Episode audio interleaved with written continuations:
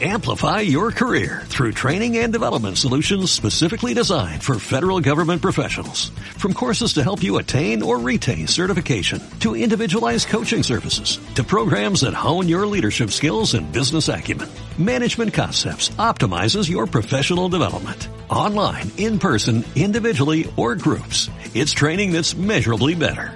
Learn more at managementconcepts.com. That's managementconcepts.com.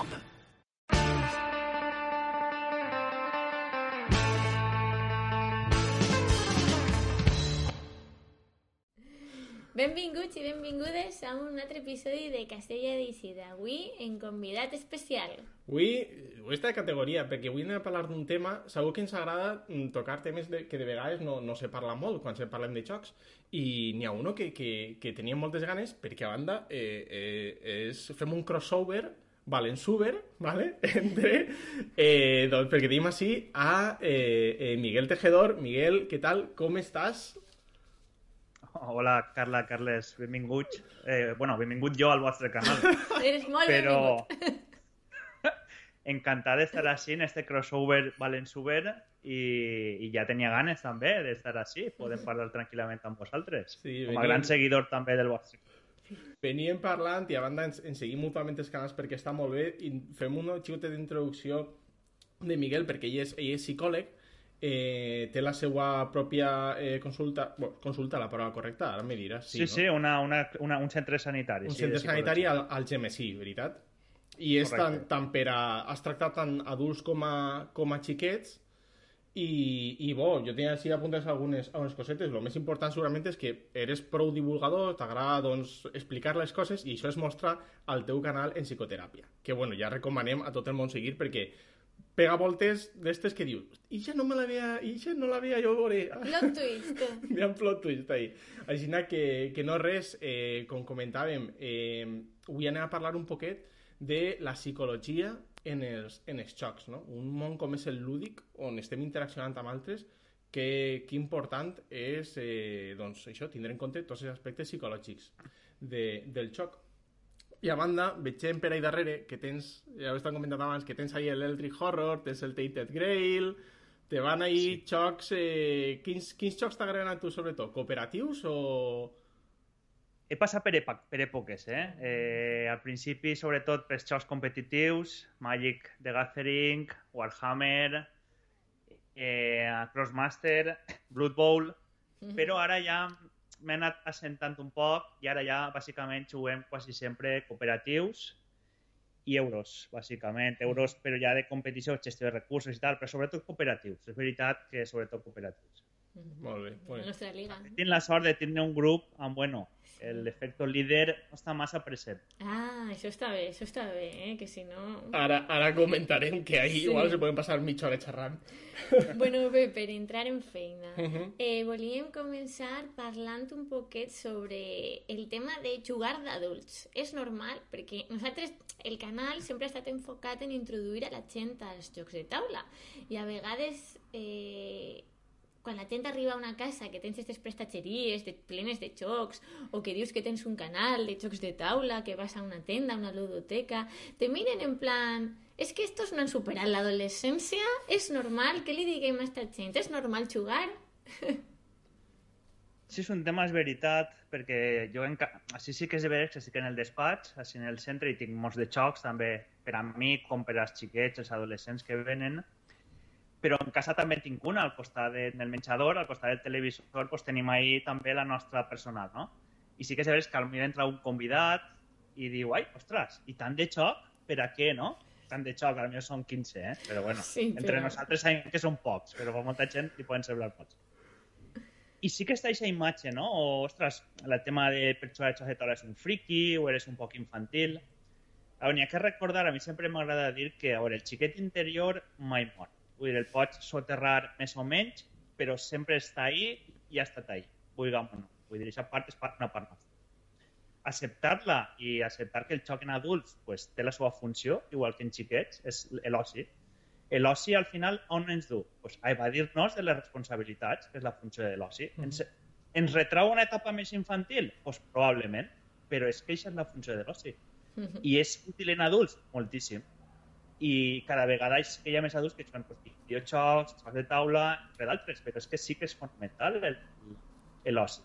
I no hi ha que sentir-se avergonyit en cap moment. I per estar en una tenda de jocs jugant a un joc i que pugui passar a algú, ostres, mira això que està ahí jugant, ostres, pues que vergonya l'edat que té, tal tal, no? Que són comentaris que poden sorgir. Uh -huh. Vergonya zero, vull dir, zero. Vull dir, no, és algo totalment acceptable, sa i, i beneficiós, totalment. Uh -huh. I parles, has, parlat, has dit una paraula que me sembla de vegades clau perquè jo no sé si se pot inclús terci, tervi, terciberxar, uf, i, i parle d'això, que és la de útil. És útil el xoc. És útil el xoc i n'hi ha gent que això s'agafa això i diu, clar, com que el xoc és útil, només anem a jugar perquè és útil. I jo crec que en el fons el que convertís l'oci un poquet i l'art en atractiu per a l'alma humana és que sigui inútil, que només servisca per evadir-nos. Però és de veres que té utilitats. Eh, sí? No sé, pots comentar un poquet al respecte? Quan vegem les coses com a útils, deixem de veure-les com a oci? Eh, quines coses podem treure com a adults? Quins aprenentatges i creixement personal a partir de jugar? A veure, el xoc és veritat que el xoc de taula sí que és útil, però també ho són els videojocs en molts aspectes. Per exemple, si ens eh, acudim a la infància, doncs, evidentment els xocs de taula doncs, van a fomentar primer entre els xiquets el tema de que estiguen traslladats a un món on hi ha unes regles que hi ha que seguir si és un joc cooperatiu, tenen que cooperar en la resta de companys per aconseguir un objectiu. Si és competitiu, doncs, bueno, tindran que competir, però en igualtat de condicions amb la resta de companys. I això sempre ens va a ubicar en aquest respecte, en aquest acceptar unes normes, que això sempre es trasllada a la realitat. En adults, si, sí que és de veritat que aquesta part doncs, perd un poc, però bueno, tampoc del tot, eh? que també hi ha molt d'aprenentatge en adults en els jocs de taula. Mm, és que realment són útils. Jo no els considero inútils en ningun aspecte, eh? perquè aprens, per exemple, en un joc històric com el Concòrdia, per exemple, no? Pues sí. sempre pues, tens un poc d'introducció d'aquesta època de Concòrdia en, en l'imperi romà i d'aquest mercadet i sempre aprens coses, no? En el Tainted Grave comentava, o sigui, encara que és un poc fantàstic, però mm -hmm. un poc d'aquesta mitologia eh, dels cavallers, eh, no sé, sempre hi ha un aprenentatge. Mm. I en el joc pues, a gestionar recursos, si és un joc, eh, pues, no sé si és cooperatiu, sobretot de les personalitats que hem dit, el col·laborar. Però sempre jo crec que sempre són útils, eh, tots aquests mm. aspectes. I a part el tema de l'oci, eh? perquè l'oci per a mi no és inútil, eh? l'oci és superútil. Esa, esa, a mi m'ha dit, necessitem sí. Sí, una de les coses que potser aprenem és a com lidiar con la, en la frustració, Pot ser? Ui, mare eh? meua. Sí? Sí, sí. Ahí dirían la frustració, eh? N'hi ha gent que no, no, no arriba, eh? Ni en hechas de taula, eh? Jo he vist evolucions, he de dir que jo, de fet, he, he sofrit una evolució personal de començar en competitius i dir, això m'ho prim fatal. Diguem que estic, estic molt orgullós del teu viatge, carinyo.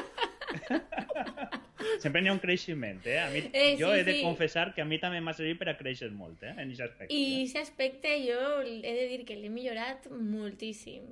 Ara... Sí. Eh, isa, ese enfado de mare meu estic perdent i no puc fer res, no, ja ho he, he, he pres les decisions pitjors i no tinc res a fer així, eh, això ho he anat eh, millorant molt. Imagina també que tot això està relacionat en, en les personalitats, en si adoptem un rol determinat quan juguem eh, i totes aquestes uh -huh. eh, hmm. variables, no? Una altra utilitat dels jocs de taula. Aprendre a conèixer a uno mateix perquè no deixa de ser un reflexe de la realitat, el joc de taula, on se trasllada la nostra forma de ser i de relacionar-nos i com anem adonant-nos de coses i anem canviant-les. O sigui que molt bé, un exemple molt clar.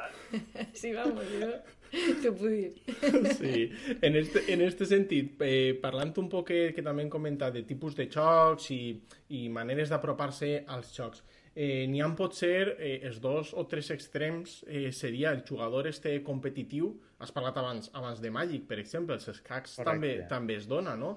Que clar, és que has de ser el millor, n'hi ha competicions i n'hi ha gent que inclús arriba a ser malaltís i no disfruta del xoc, un, un vèrtex, l'altre seria potser el més casual, que simplement és, mira, jiji, jaja, i, i l'altre potser el que li agrada el cooperatiu, no sé, eh, alguna pinzellada de què està buscant esta gent i què poden trobar eh, quan, quan se posen a jugar en este, d'esta manera?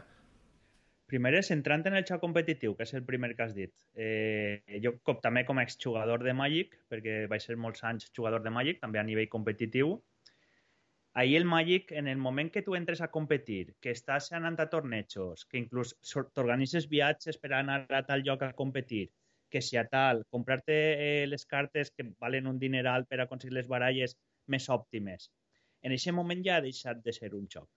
En aquest moment ja ha passat a ser més com una dedicació, perquè estàs, estàs eh, mirant baralles, estàs, veure, eh, estàs consumint vídeos per veure enfrontaments, per veure com pots treure eh, millor rendiment a la teva baralla, estàs, eh, se converteix en algo molt metòdic, on ja està tot molt estudiat, on ja eh, ha entrat en una dinàmica ja molt que ha deixat de ser xoc, eh, totalment, per a ser dedicació.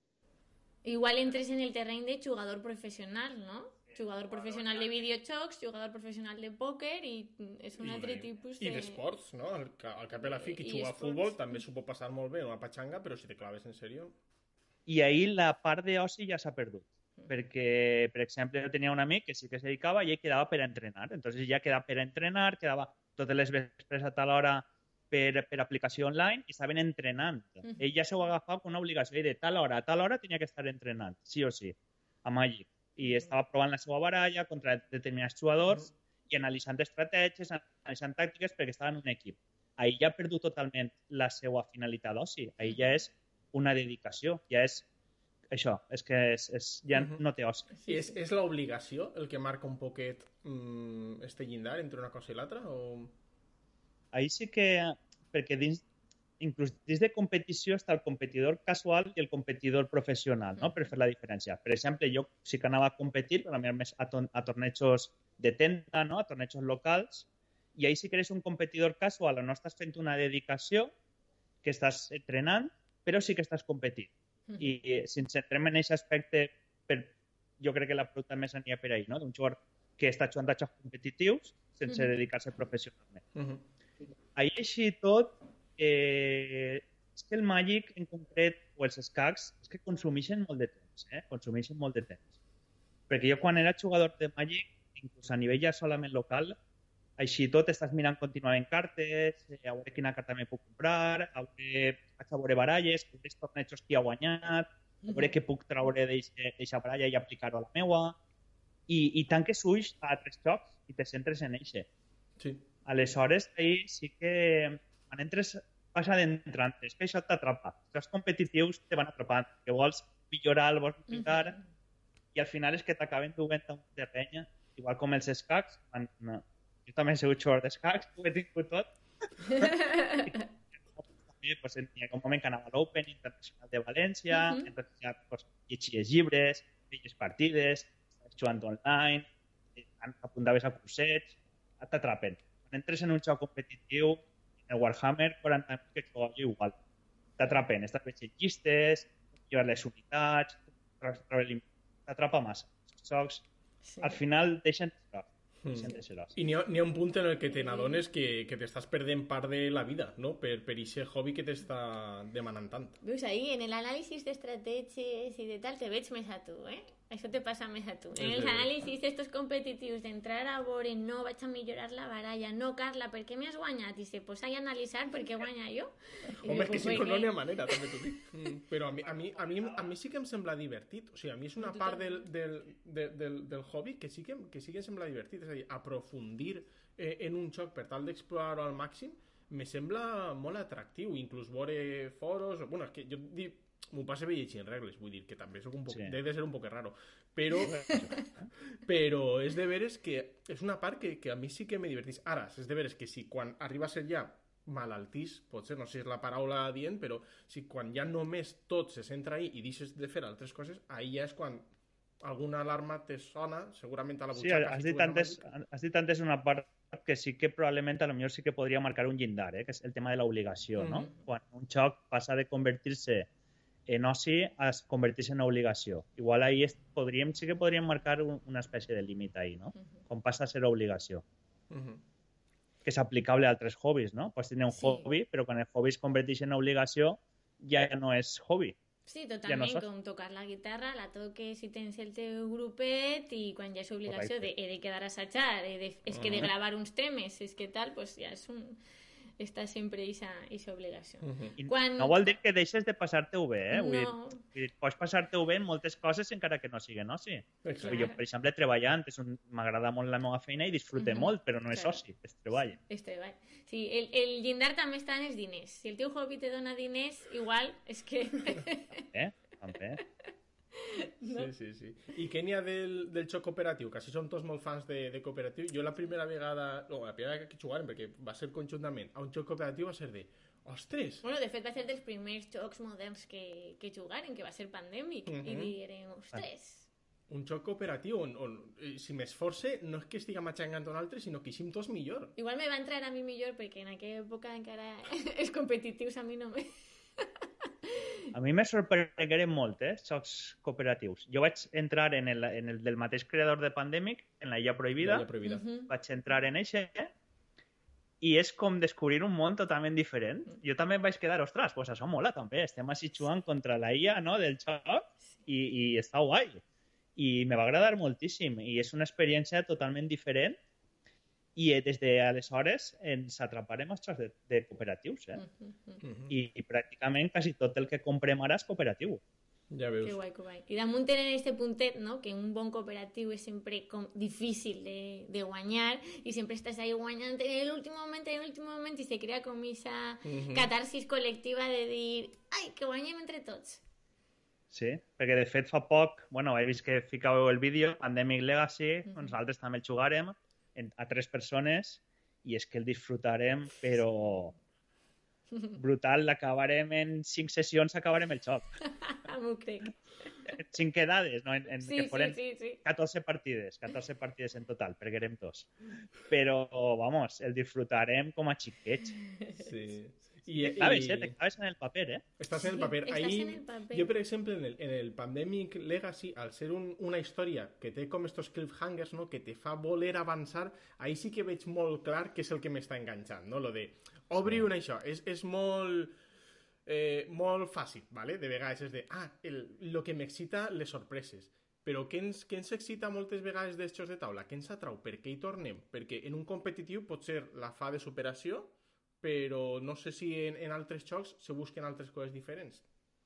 Ahí entraríem un poc en el tema personalitats, però sense entrar ahí, encara un poc general, quan vulgueu en- entrem en aquest tema també. Però el tema cooperatiu és sobretot l'experiència de grup, perquè si estàs en un bon grup, això d'estar col·laborant, i per exemple nosaltres hem tingut a l'Elrich Horror partides mítiques on hem estat jugant ahí un grup de 5-6 persones eh, a part d'aquest joc ja sabeu que ho passes fatal, totes les partides estàs patint, Sí, fatal. estar ahí patint, patint, patint, al final, en l'últim moment, jugar-te en una tira de, de daus que teníem que elaborar tots, perquè si no perdia sis vides i moria investigador i tal. I de sobte superar-nos la tirada i de sobte començar a alçar-nos tots, a cridar, a xocar-nos, a abraçar-nos... Clar, aquesta unió de grup, això no ho en un cooperatiu, les, en un competitiu, disculpeu. Aleshores, un cooperatiu, i a més, si representa un repte tan gran com pot ser el Pandemic en alguns moments, sobretot el Legacy, que és una campanya, o el Elrich Horror en este cas, Mhm. i el poder com a grup superar aquesta dificultat, això jo no ho canvio per res. Per ningú competitiu canvio jo aquesta sensació. Home, és que abraçar és... tots, perquè estem Mhm. cooperant per avançar, no? I això jo no ho canvio, eh, sincerament. I aquestes jugades se recorden... Jo recorde la de que estàs com un general ahí damunt del mapa dient anem a veure, no podem entrar per així, podem això. Si entre per així i me pega un atac d'oportunitat és que ja me mata. Sí, sí, sí. I doncs, eh, segurament en este, filant amb dels cooperatius, eh, l'efecte líder este mm, és difícil de gestionar moltes vegades. Hi ha alguns cooperatius que ho tenen un poquet resolt, però en general... Sempre va estar ahí perquè Mm. és una qüestió de grup, però n'hi ha sistemes de xoc que, tra que poden evitar-ho més o menys. Què podem fer dins d'un grup d'amics per a tractar de, no sé, de treballar-ho? L'efecte líder mm, és de veres que pot arruïnar moltes experiències de jocs cooperatius. De fet, molts grups deix, o es, pareixem, deixen de jugar a jocs cooperatius per aquest motiu. Mm. Sí que és de veres que el xoc operatiu també en moltes dinàmiques de, de búsqueda de, de, de treball eh, les inclouen. Els temes, per exemple, el típic que, que sembla que es agafen un grup d'aspirants a una feina i es diuen, vale, estem en una illa deserta no? i tenim tants ítems. Fiqueu-se d'acord en quins ítems són més importants. Perquè a mi un avió s'ha estavellat. No? I diuen, pues hi ha una botella d'aigua, hi ha un paracaigudes, hi ha un ganivet, hi ha un manual de supervivència, no? Que no n'hi ha una resposta correcta. Però aleshores el grup, eh, l'entrevistador està controlant un poc el grup. I entonces, ahí ella controla que si una persona té l'efecte líder, si una persona és passiva, si una persona és més assertiva, i aleshores és d'on trauen pistes per atraure a qui contractaran. Els jocs de taula cooperatius és més o menys el mateix. Si n'hi ha una persona en el grup que té un efecte líder molt gran i damunt es dona la condició que la resta de persones del grup són a lo millor molt passius, pues ahí directament està jugant una, un jugador sola. Si entren dos, dos eh, líders en el mateix grup, te van a arruïnar l'estratègia de joc perquè van a començar a discutir entre ells, deguem anar així, no, no, deguem anar allí, no van a fer cas d'acord, van a qüestionar les regles, a qüestionar, i això perquè és així, això perquè no deberia ser així. Una discussió que la resta, si som més gent, estan ahí, hòstia, a del xoc. a l'altre ja no Entonces, com disminuir esta, esta efecto líder? Pues és parlant amb aquesta persona que mira la resta que podem jugar, eh, tan pàlida és la opinió com la teua, i en certa manera és així traslladem a través de la vida en si mateixa, la vida real. Una persona és assertiva. És ni dominar ni deixar-se dominar. Vull dir, ni jo tinc per què manar sobre els altres, però tampoc els altres tenen que manar sobre Aleshores explica que el líder, mira, tots, eh, tots les opinions són vàlides. A rebaixar el... Anem a escoltar-nos a tots i anem a decidir. Però, un poc directament, si convida ja està si li deixen a casa, juguem nosaltres i ja quan som un competitiu ja te cridarem, no? Sí. Però afina molts jocs, eh? L'efecte líder afina molts jocs. Mm -hmm. També sempre m'ha fet gràcia quan llegia, per exemple, en algunes cartes de pandèmic, que era pots moure el jugador, el peón del jugador demanar-li permís. I jo pensava, pues claro, pues com no li vaig a demanar permís? És que tu no ens has vist jugar. Estem, cada decisió estem discutint-la i discutint-la i se sí. pren així, així se fa un, una votació quasi cada, mm. per cada decisió. Aleshores, llegir aquestes coses de has de demanar-li permís al jugador per a moure-lo, jo me po... Claro! Sabe que ho incloguen, eh? Sabe. És que me, me, va, me va sobtar perquè vas dir, jolín, de veritat algú mm, diu, ah, pues jo tinc aquesta habilitat i te moc i ja està. Mm. Sí, sí, sí, n'hi ha gent que ho fa, eh, directament. I jo ho he viscut i n'hi ha gent que ho fa, eh. Després... I després tenim el jugador este casual, no? Volies eh, comentar un poquet sí. també, com que el competitiu, el cooperatiu i després està el casual, els amics en els que doncs està bé, però que només treus els partis o que no volen uh -huh. clavar-se més enllà o més aprofundir. Uh -huh. També li tiren enrere igual els reglaments llargs, que li estigues explicant, no, has de gestionar este recurs així, l'altre, l'altre, no? Uh -huh. Una amiga que ens deia, uf, així n'hi ha que llegir massa. Jo, dona, que n'hi ha que llegir quatre cartes. Sí, sí que és de veres que bueno, també està el jugador casual, que entén pues, els jocs com a més pues, en quedades concretes, de, en Nadal, en, en festes, i en partits, sobretot jugar jocs de partits que no requereixen massa coneixement, que pots jugar en seguida i no volen adentrar-se. Però bueno, hem de dir que els jocs party molta volta, moltes vegades són la porta d'entrada uh -huh. per als altres jocs. Sí. O les hores que bueno, també fan la seva funció, no? Sí. Exacte, sí, sí, sí. sí. I ha Però n'hi ha gent que prefereix quedar-se ahí. Sí, exacte, n'hi ha gent que prefereix quedar-se ahí i una cosa que jo m'ha donat és que dins de dins del hobby o la discussió dels, dels jocs de taula, moltes vegades eh, es tenen com que, bueno, que n'hi ha una porta d'entrada, però tu arribaràs, si eres un bon jugón, arribaràs als euros supercomplicats i me sembla, yeah. me sembla un poc xungo, inclús tòxic, perquè a mi no m'agraden particularment els jocs molt complexos, m'ho passen millor de vegades ho parlaves, no? A vegades som un poc paternalistes en tot este tema també, no? Mm, de no, no vas a començar per així, que, que és molt complicat per tu, doncs no sé, tinc, tens 40 anys, jo crec que pots eh, provar, pots no? Arribar, si no? pots. Vull dir, a vegades és, no, com, és que és Sí. com que inclús nosaltres, vull dir, crearem el canal per a recomanar jocs, per a començar i tractar estos temes per a introduir a la gent i recomanar els típics, Carcassonne, eh, Mm. Pandemic, etc. I és veritat que tenim amics que li, li han recomanat, mira, el Arkham, a tu t'encanta aquesta temàtica, comença per ahí i ha començat per ahí i tampoc passa res. I n'hi ha que saber a qui recomanar, perquè evidentment si una persona que comença recomanar un Twilight Imperium. pues bueno, no? O un Gloomhaven és un poquet arriscat. Però sí que és de veres que, bueno, n'hi ha gent que, que també és molt paternalista, com ve a dir Carla, i, Mhm. i la veritat és que això també pot, a molts pots dir, trencar-los al millor, que podrien arribar directament, perquè els, ja es crida l'atenció i jugar a jocs més, més Mhm. complexos i aquest paternalisme els impedeix progressar per aquesta línia. També pot passar, és de veres. Sí.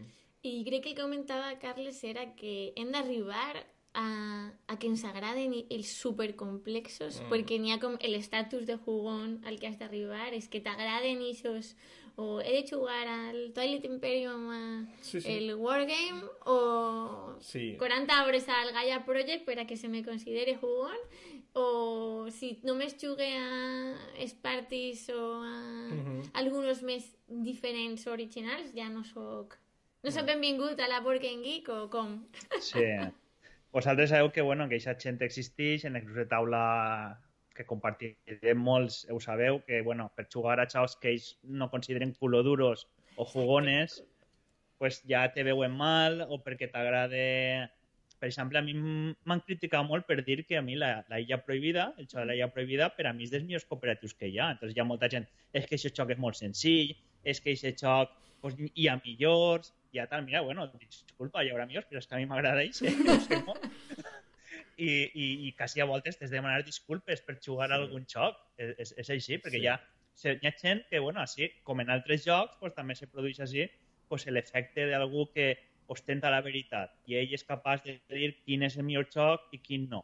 I a part, la Board Game Geek és pràcticament euros, eh, pràcticament tot, menys uns quants, tot euros. Què passa? Que per a ser bon jugador de jocs de taula has de jugar euros o com està el tema? És que al Mm. final eh, al final hi ha que gaudir cada un del que Exacte. i, i els culoduros estos i tal, pues bé, per a xeix i tal, molt bé, però tu deixa'm jugar a lo que a mi m'agrada, no? Si em tinc que arribar, ja arribaré. I per lligar un poquet en lo de les personalitats, també volíem parlar de l'efecte del jugador troll. Uf, això té molta xitxa, eh? Mhm.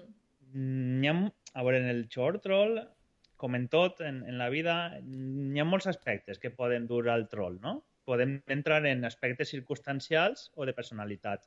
Imaginem que és una persona que no està a gust en el grup, imaginem que és un grup de xoc de taula que solen quedar habitualment. I per, per algo pues, ha tingut algun pique o ha tingut algun mal rotllo en alguno i no se du bé. Aleshores, eh, és un troll circumstancial, perquè vol sabotejar un poc la partida perquè no està a gust. Mhm. I això seria, però el, el que més ens interessa a mi és el que és troll per naturalesa, no? Perquè és troll perquè eh, Perquè sí, de li personalitat. agrada fer... Li agrada fer. Entonces, ahí entraríem a lo millor en un estil de troll que en el joc ella a lo millor no contempla la possibilitat de perdre, però en el joc, eh, com no controla totes les variables, perquè hi ha més jugadors, ell sap que és una possibilitat perdre. bueno, no, ho sap, però no ho accepta. Mhm. Aleshores, decideix des d'un primer moment, diu, pues bueno, si jo no intente guanyar, no és una derrota, perquè no estic ficant en joc el meu intent de guanyar. Pues aleshores m'he dedicat a trotejar als altres. Vull dir, això serà com la meva victòria, no? La meva victòria serà que els altres no s'ho passen bé. Entonces, això és una perspectiva molt tòxica, però, però existeix aquest tipus de troll, el, el, el que no tolera la derrota, no? I sap que no pot guanyar o que està aquesta possibilitat, pues, trolejarà. Mhm. Després està pues, bueno, el troll directament, que potser no té ganes de jugar o perquè pel motiu que siga o perquè no està en el joc que li agrade. Jo havia triat un altre joc i ara m'obliguen a jugar a aquest joc. O se dedica a trollejar. O se queda en un aspecte passiu. Almenys Mhm. estan jugant i està ahí. Eh, me toca a mi, o està en el mòbil, eh, està, Sí. es- està mirant altres coses, eh, ja me toca, pum, ja està. Estàs tirant Sí. daus, fa el que fa, fa les així en plan ràpid i ja està. També seria una manera de trollejar la partida perquè està arruïnant l'experiència de joc a la resta de jugadors. Entonces, bueno, n'hi ha molts estils de troll. O, o directament quan hi ha un pique molt gran, que n'hi ha dos, que sempre que sou cinc jugadors, n'hi ha dos que ja arrastren un pique de tota la vida. Sí, sí. Entonces, quan el, el jugador troll eh, ja veu que no pot guanyar, que se li escapa la partida, pues ja es directa a, a putejar directament a l'altre, no? Dic, jo no guanyaré, però tu tampoc. I has ficat tot el rato hasta que evitar que guanyi, no? Entonces, n'hi hauria, dins del troll també hi ha molts, molts aspectes, no? Mm. M'interessa molt això que dius de... Estic obligat a jugar, no? Perquè, en el fons, si juguem és perquè ho fem lliurement. I si t'obliguen a jugar, és que quasi el millor... És a dir, mira, escolta, no vols jugar? No passa res. Deixem i fem una altra cosa. Anem a fer-nos una, o xerrem, o el que tu digues. No? Però moltes voltes, no sé si vos ha passat, però mm, es passa que quan tens un grup de jocs de taula, cada un té la seva ludoteca, o cada un té els seus jocs, o té les seves preferències. Sempre hi ha algú que a lo millor pues, acordem, pues mira, eh, pues ara esta setmana proposes tu, o esta setmana proposa l'altre, no? Uh -huh. I sempre hi ha algú que a lo di, li sentarà mal que l'altre le xisga o es veu obligat perquè com tots trien cada setmana un joc i Mhm. per a poder triar ell també una setmana es veu obligat a jugar als jocs dels altres altres setmanes encara que no li agrade. Aleshores, mm, si no, us- si no s'integra bé o no s'obre l'experiència de joc, pues fastidiarà un poc el joc. Clar. I sí que se veurà en certa manera obligat per el que hem dit, perquè diu, bueno, si vull que juguen al meu joc, pues me tocarà a mi jugar també al del I joc. ahí pot ser lo més adult, o adult, no sé dir-ho, però no sé a dir, escolta, vale, voleu jugar vosaltres a això? Jo és que, sincerament, no vull. Eh, jugueu vosaltres i ja la setmana vinent ja vinc jo i juguem a un altre que puga proposar. No sé, no sé si és una millor alternativa per gestionar-ho. Sí que ho seria. El que passa és que així també, moltes voltes en els jocs de taula traguem la nostra faceta més infantil, que comentava abans, no? Sí que ens, ens sobredu aquesta etapa, però també ens trau aquesta personalitat, a lo millor més, um, no infantil, però més amagada, on ens trau discussions absurdes moltes vegades, que jo he vist gent enfadar-se per un joc i deixar-se de parlar per un joc. I, i, però gent de 30, de 40 anys, i, i, i passa i, i trobe piques absurdíssims de dir, eh, pues jo he jugat al teu joc, pues ara tu has de jugar al meu. I, i jo això ho he vist. I dic, com pot estar passant això, per favor? Però passa, és que passa. Sí. I, i, i com bé han dit, pues, a lo millor en lloc d'una una resposta adulta, com ha dit Carles, si li ha dit, pues mira, mi no m'ha vist jugar, jugueu vosaltres, i un altre dia pues, ja jugaré jo. No arriben, no arriben a aquest punt. No estan en aquest Sí. punt, o no volen arribar, pel motiu que siga, però moltes vegades no arriben a aquesta reflexió. Esta reflexió és interessant perquè parlant de lo de les personalitats, de les competitives, qui li agrada més cooperatiu, el troll, el que eh, hem estat parlant, eh, volia comentar, quan juguem, això que sempre es diu, quan juguem s'exposa la nostra personalitat, però a vegades trobe que s'exposen coses que no sé si és, són són, evidentment, part de la meva personalitat, però igual no, no són la meva personalitat de el dia a dia perquè igual no sóc tan competitiva en el dia a dia o sóc tan... O sigui, el Si que deies de sí. estic despertant el meu cervell primitiu i racional per ahir o, o és que teniu una personalitat polièdrica, no? Diferents facetes de la personalitat i així adopte un rol de jugadora perquè... Si fórem tots com jugant a l'Avalon, vamos, la societat cauria. Ostres, ahí... Claro, és que vull dir... Bon exemple. Per conèixer algú has de jugar un joc de taula, però per conèixer una part, no? Mm. I aquesta frase realment té algo de veritat. Jo sempre he considerat que els jocs de taula reflecteixen molt bé la personalitat de les persones en molts aspectes i serveixen, com tu havies dit al principi, per a millorar la forma de ser moltes vegades. I eh, en un joc de taula també influeix la circumstància. Si jo la mateixa setmana he tingut una mala setmana i estic prou cabrejat, Mhm. pues probablement en el joc de taula això se va filtrar, segur. Però per, molt, per més cabrejat que jo estiga, Mhm. si jo no tinc aquesta faceta competitiva, jo no vaig atendre-la en el joc de taula. Vull dir, si jo sóc una persona que jo sóc zero competitiva, de sobte no vaig a jugar al joc de taula i me vaig a transformar en competitiva, Mhm. perquè no ho sóc. Vull dir, no tinc aquesta faceta, no? Aleshores, sí que si traguem alguna en el joc és perquè algo nostre està ahí. Algo estem ficant damunt la taula nostre. Si no, no ho faríem. Vull dir, Mhm. Però a Ja, ja. a, a mi no m'agrada Però... mentir. Eh... Jo jugo a l'Avalon i, i, vamos, a la cara mentisc sense cap problema. eh? A mi no però després, d'actor. eh, és que és un xoc de rols, no? Ahir sí que Sí. se veu que és un xoc més de rols, on hi ha una interpretació. Mm. Perquè en l'Avalon sabes que a tu te toca interpretar un paper I aleshores tu sí que estàs pues, agafant, eh, encara que tu no sigues una persona mentidera o se t'ho mal, tu vas a agafar identificacions que puedes tindre en altres persones i dir, pues, bueno, això igual ho puc gestionar d'esta manera o d'altra i vas a intentar-ho fer. Encara que sabes que una persona que no estigui acostumbrada a mentir se li notarà molt. Entonces, sí. se dirà, bueno, tu eres el, el, el vas de farol segur i se li nota moltíssim. Però bueno, tot, com diuen, tot no se naix sabent i a base de jugar a aquests jocs, pues, una volta se pot, pot aprendre també el rol. Sí. Però jo parlaria més la personalitat quan és en un joc que és la primera volta que jugues Mhm. o, o estàs aprenent. Ja potser quan has jugat moltes voltes potser sí que tens la vena de dir, ostres, és que per set partides és que no he guanyat mai. Ja. I de sobte et transformes en competitiu quan tu no has sigut mai competitiu. Però Clar. ja és per dir, és que això no pot ser. Guanyar?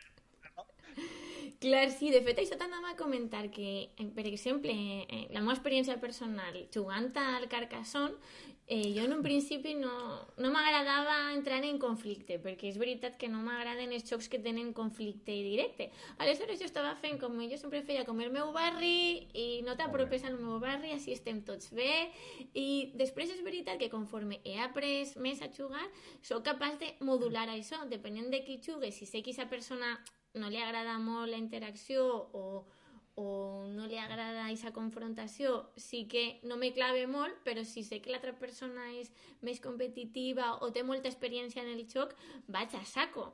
A, a, a les coses. I m'he donat que puc o sigui, que això se pot modular, però igual és el que comentaves, que no és el mateix eh, quan t'exposes per primera volta a un xoc que després jo dic, perquè si no jo tinc una personalitat així que ni, vamos, 4.000 personalitats.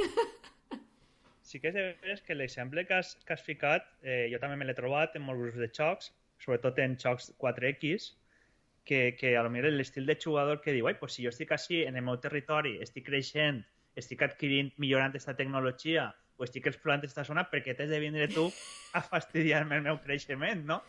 I mira, perdona, però és que al final té d'haver combat, perquè és que si no, no acabaríem mai o, o no guanyaria ningú.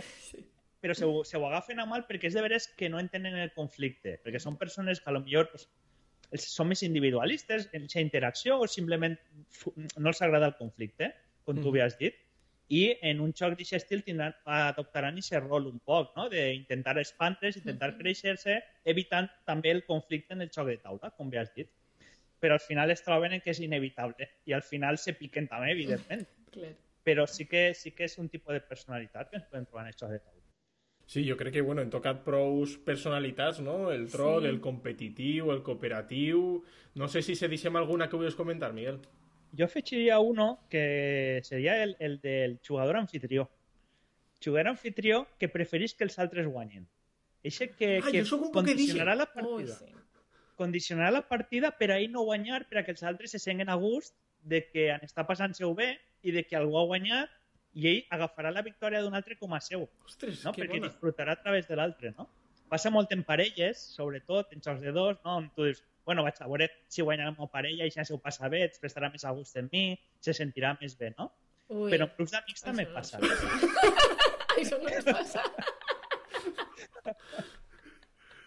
Entonces és un estil de personalitat també digne d'estudi, eh? Sí, com eh, he escollit este joc per al grup i vull que encaixe, vull que com que tot el món entre, que els agrade, perquè este joc m'agrada, l'he escollit pensant Exacte. en ells, doncs... Anfitrió. Eh, és anfitrió la sí. paraula. Sí, sí. Igual lo Correcte. que comentava de lo del Carcassonne, de, que en, si jugue per primera volta, en algunes persones doncs, no me vaig a clavar en el seu territori, però això, això és, exemple sí que ho faig, de dir, Claro. no, no vaig anar a saco, que...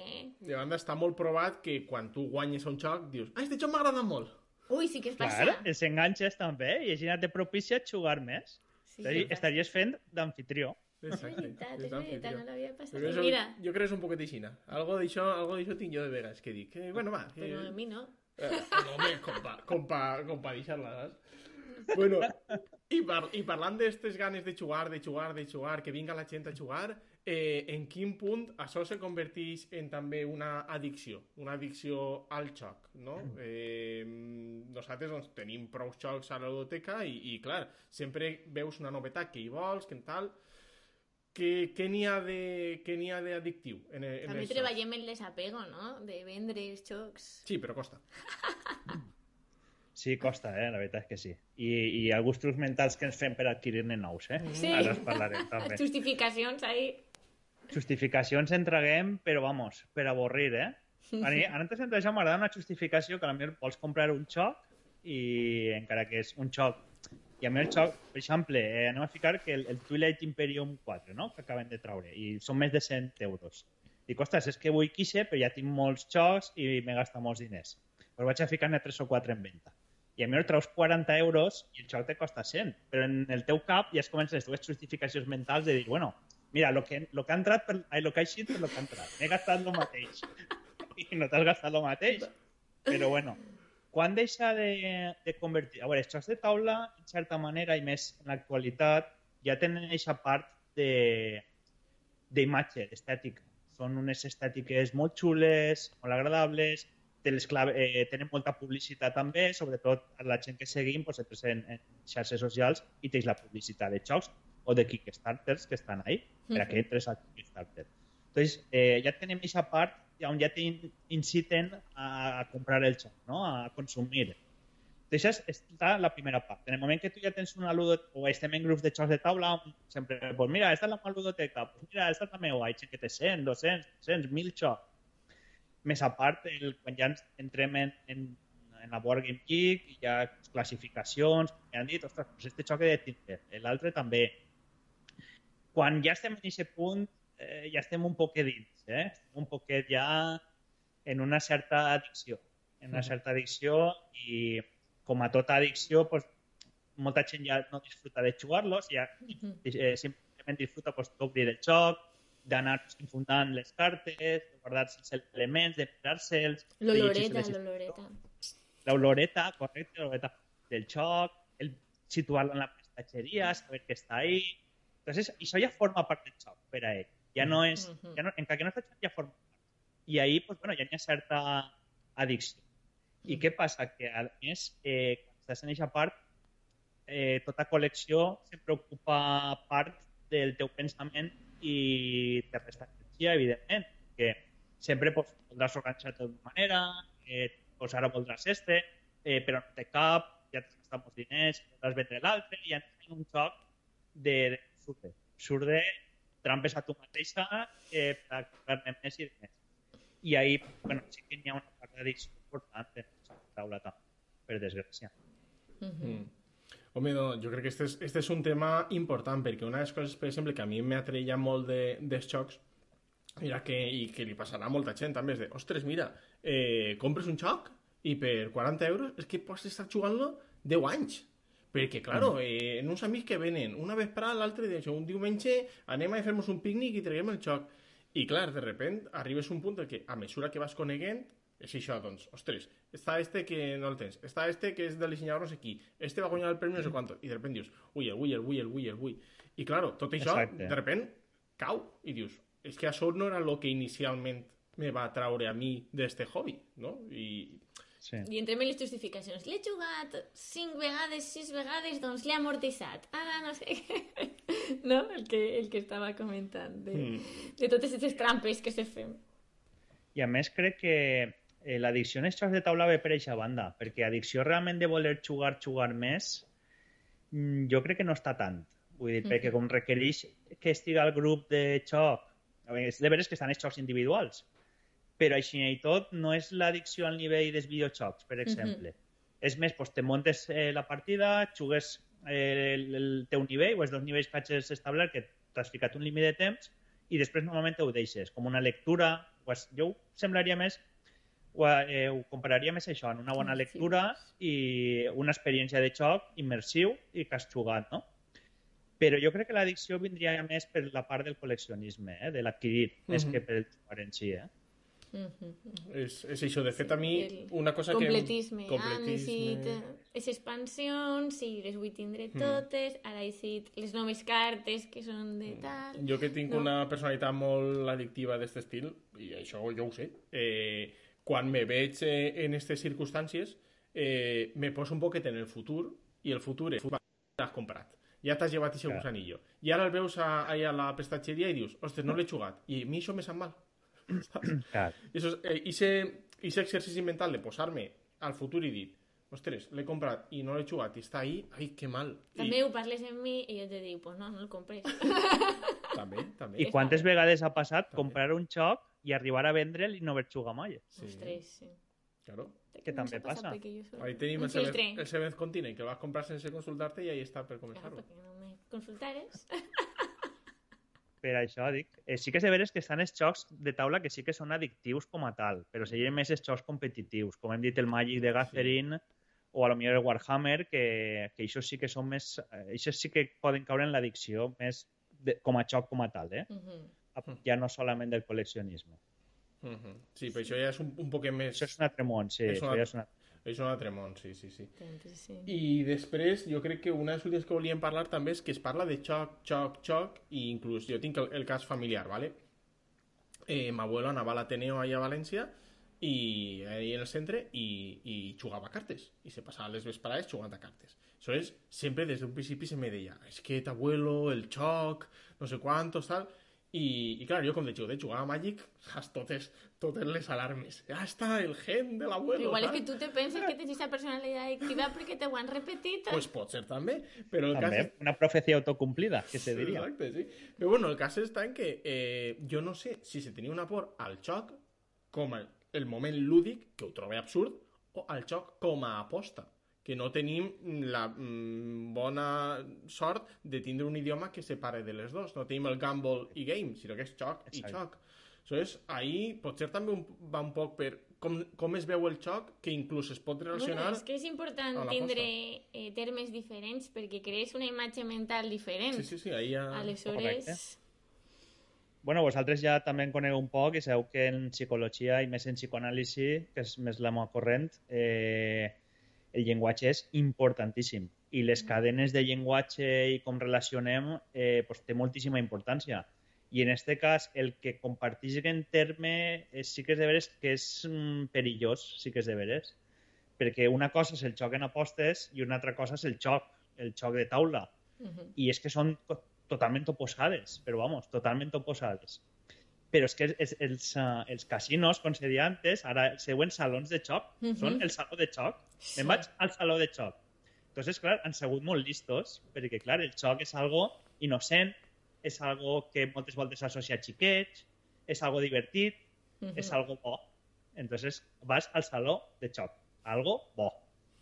Però ja sabem pues, que no és així i per desgràcia jo així tinc, he tingut i ara un parell de persones que estan passant per, per aquest moment i sobretot són adolescents, que és la problemàtica que es trobem ara. I el problema és que quan una persona es torna addicta al xoc d'apostes, eh, no és ell només, és que és la família la família és la que se veu abocada perquè agafen diners de casa o eh, es tornen més agressius, eh, més irascibles, no entenen el que els estan dient. Damunt és sempre una personalitat molt concreta, una persona que no té massa estudis, que veu que hi ha una possibilitat de progressar perquè tampoc té feina, i al va un dia i aposta 10 euros i aquest dia en guanya 100, i entonces diu, ah, pues si tinc una possibilitat de progressar per esta d'ací puc traure diners per a casa i col·laborar. Però és que el següent dia van en 100 i ne perd 500 Mhm. i, i perquè evidentment la casa sempre guanya I, però no són conscients a més cal recalcar que la paraula addicció eh, si ens anem al significat eh, significa esclavitud. Una persona és esclau Entonces, una persona addicta és una persona esclau que ja no té control sobre les seves accions sinó que l'addicció és el seu amo. Ell és esclau d'un amo i l'amo és l'addicció Mhm. Aleshores, que estiga aquest terme en els dos aspectes, pues sí, com per dedicar-les, eh, pues pots dir, és que jo jugué a jocs, entonces mm, bota l'alarma i dir, ostres, pues tu pues, pots caure en l'addició, que és espai, manté, no, no, no pagues ahí els teus diners i tal, no?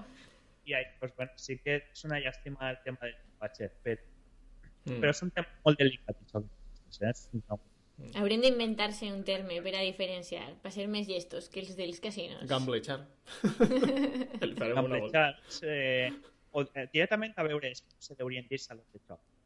Dir, partint d'ahí. Sí. Saló de xoc, saló d'apostes, per exemple. Sí. És que és un saló d'apostes, És que és un no és saló altra cosa. Sí. Ara que se volia regular un poquet, igual podíem proposar des d'ací, escolteu, el terme també és important. Clar. Ara, sembla que ara sí que estan apostant molt fort per aquest tema, falta que es materialitzi eh, al marge del govern, no anem a entrar-hi, No. però vull dir que, que és, és un tema que n'hi ha que estar regulat, vull dir, ha d'estar regulat perquè és que es, està arruïnant moltes famílies, Mhm. moltíssimes. Sí. I els jocs de taula pot ser una alternativa. Eh, sí, els jocs de taula totalment. és una alternativa Al joc, però el joc coses Per a positiu. que no entren ahí. Exacte, exacte. Sí, sí, sí, sí. Igualment, a mi m'ha sobtat molt una vegada llegint a a Reddit eh, doncs una persona que deia eh, tu fixa't que m'he gastat no sé quants diners en jocs de taula i la meva família me diu que estic boig i no sé quantos i és que eh, soy incomprendido, tal, tal, tal. I la mateixa comunitat li va dir, tio, igual tens un problema. Claro. La mateixa comunitat de, de, de Reddit, o sigui, de gent que se clava en Reddit a parlar sobre jocs de taula, o sigui, més enganxats de tot, li digueren t'has pensat si tens un problema? I al cap de dos mesos torna a escriure i digue mm, gràcies a lo que em diguereu m'he adonat que tenia un problema. Correcte. Però és molt, és molt difícil de veure això, de vegades. És molt difícil. Jo una de les mesures que ficaria ahí sempre és una limitació, ficar un número. Vull dir, la meva ludoteca no pot passar, per exemple, de 150 jocs. I això és el tope. I en el moment que, que arribi a 150 jocs no puc comprar-ne cap més. Si en vull més, n'he de, vendre. Sempre ficar mira, un límit és una bona tàctica, Vale. però després està clar que entren els trucs de cada un, els trucos mentals. Inclús hi ha gent que té diverses ludoteques. Vull dir, diu, pues, bueno, ja he arribat així, pues ara me'n vaig a crear una paral·lelament en no sé quin puesto o en casa dels meus Bueno, pares. o eh, regals, a través de regals d'amics. Regalat estos Correcte. jocs i Este no compta, els que és tenen un ells. Claro. Les expansions no compten.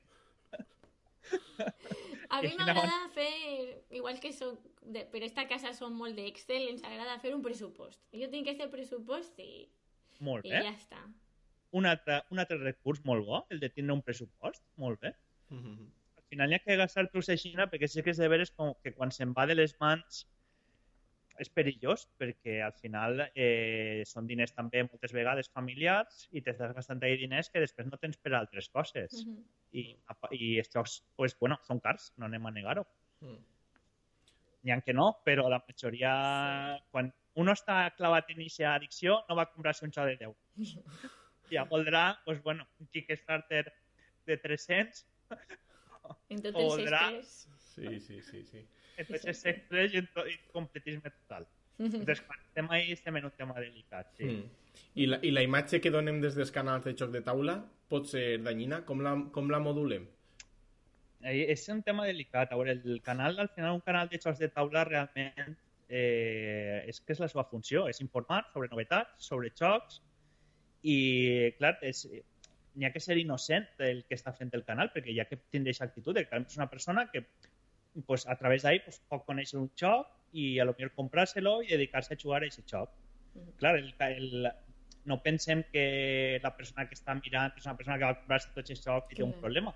Si no, no faríem aquests vídeos, no? Eh, el, per desgràcia, el sector de jocs de taula està bé que hi hagi canals de jocs com el vostre, perquè Mm. realment, eh, més a part que entreu en el tema d'edat, en el tema de, de recomanar jocs a lo millor més d'autor o jocs menys, menys coneguts, i tot això està bé, perquè això és cultura també, els jocs de taula també són cultura però que n'hi ha una part de la població que ja no està en aquest punt i està en el punt de completisme i col·leccionisme, és que realment ahir jo no crec que els canals de joc participen de- d'això. Mm -hmm. Això ja estaria més... No, és, no esteu en televisió o en premsa tots els dies ahí bombardejant per a que la gent adquirís la joc de taula. Mhm. Els canals concrets i a part s'orienten més des d'una altra perspectiva, no? Sí. Una perspectiva més lúdica, més d'oci.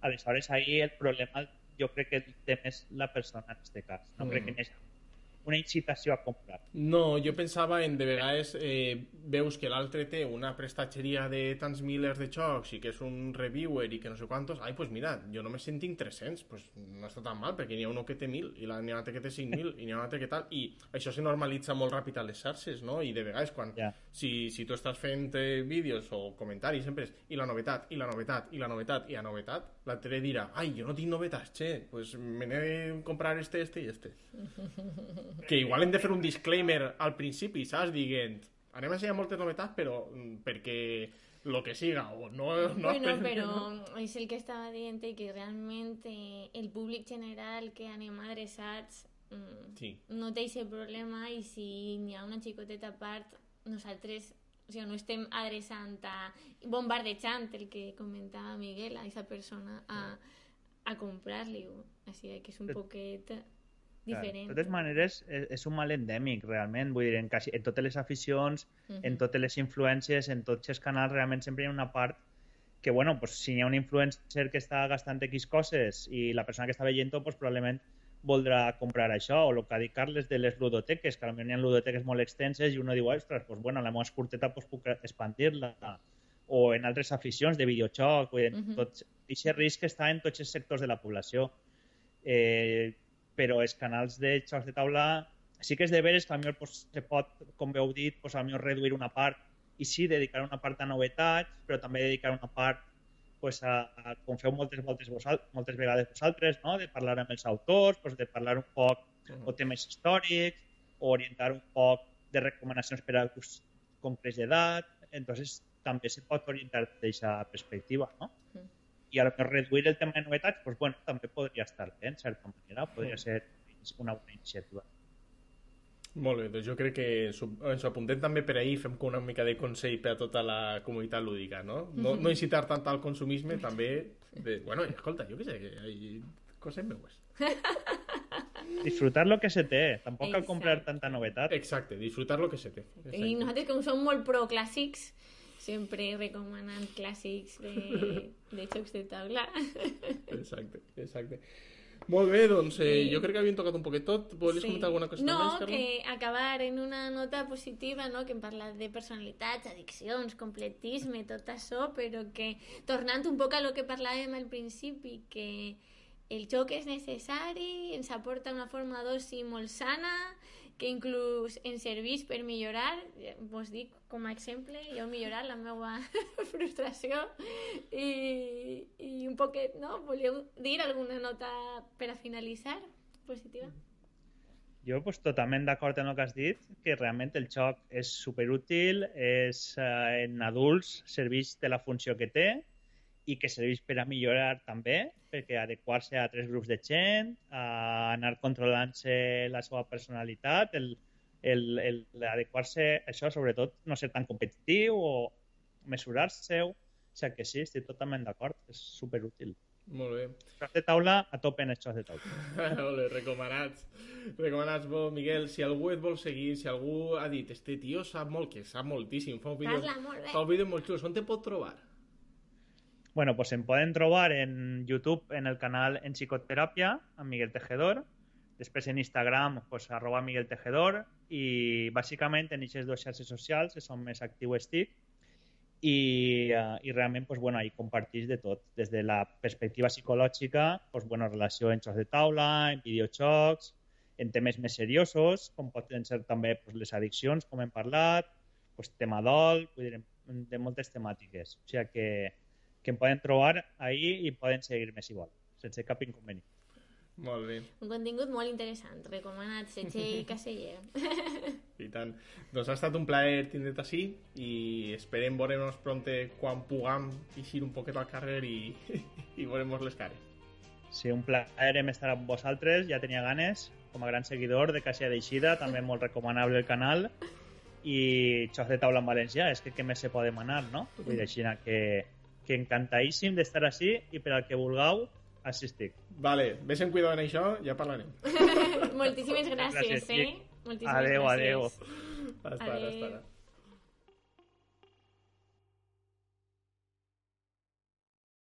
Amplify your career through training and development solutions specifically designed for federal government professionals. From courses to help you attain or retain certification, to individualized coaching services, to programs that hone your leadership skills and business acumen, Management Concepts optimizes your professional development. Online, in person, individually, or groups, it's training that's measurably better. Learn more at managementconcepts.com. That's managementconcepts.com.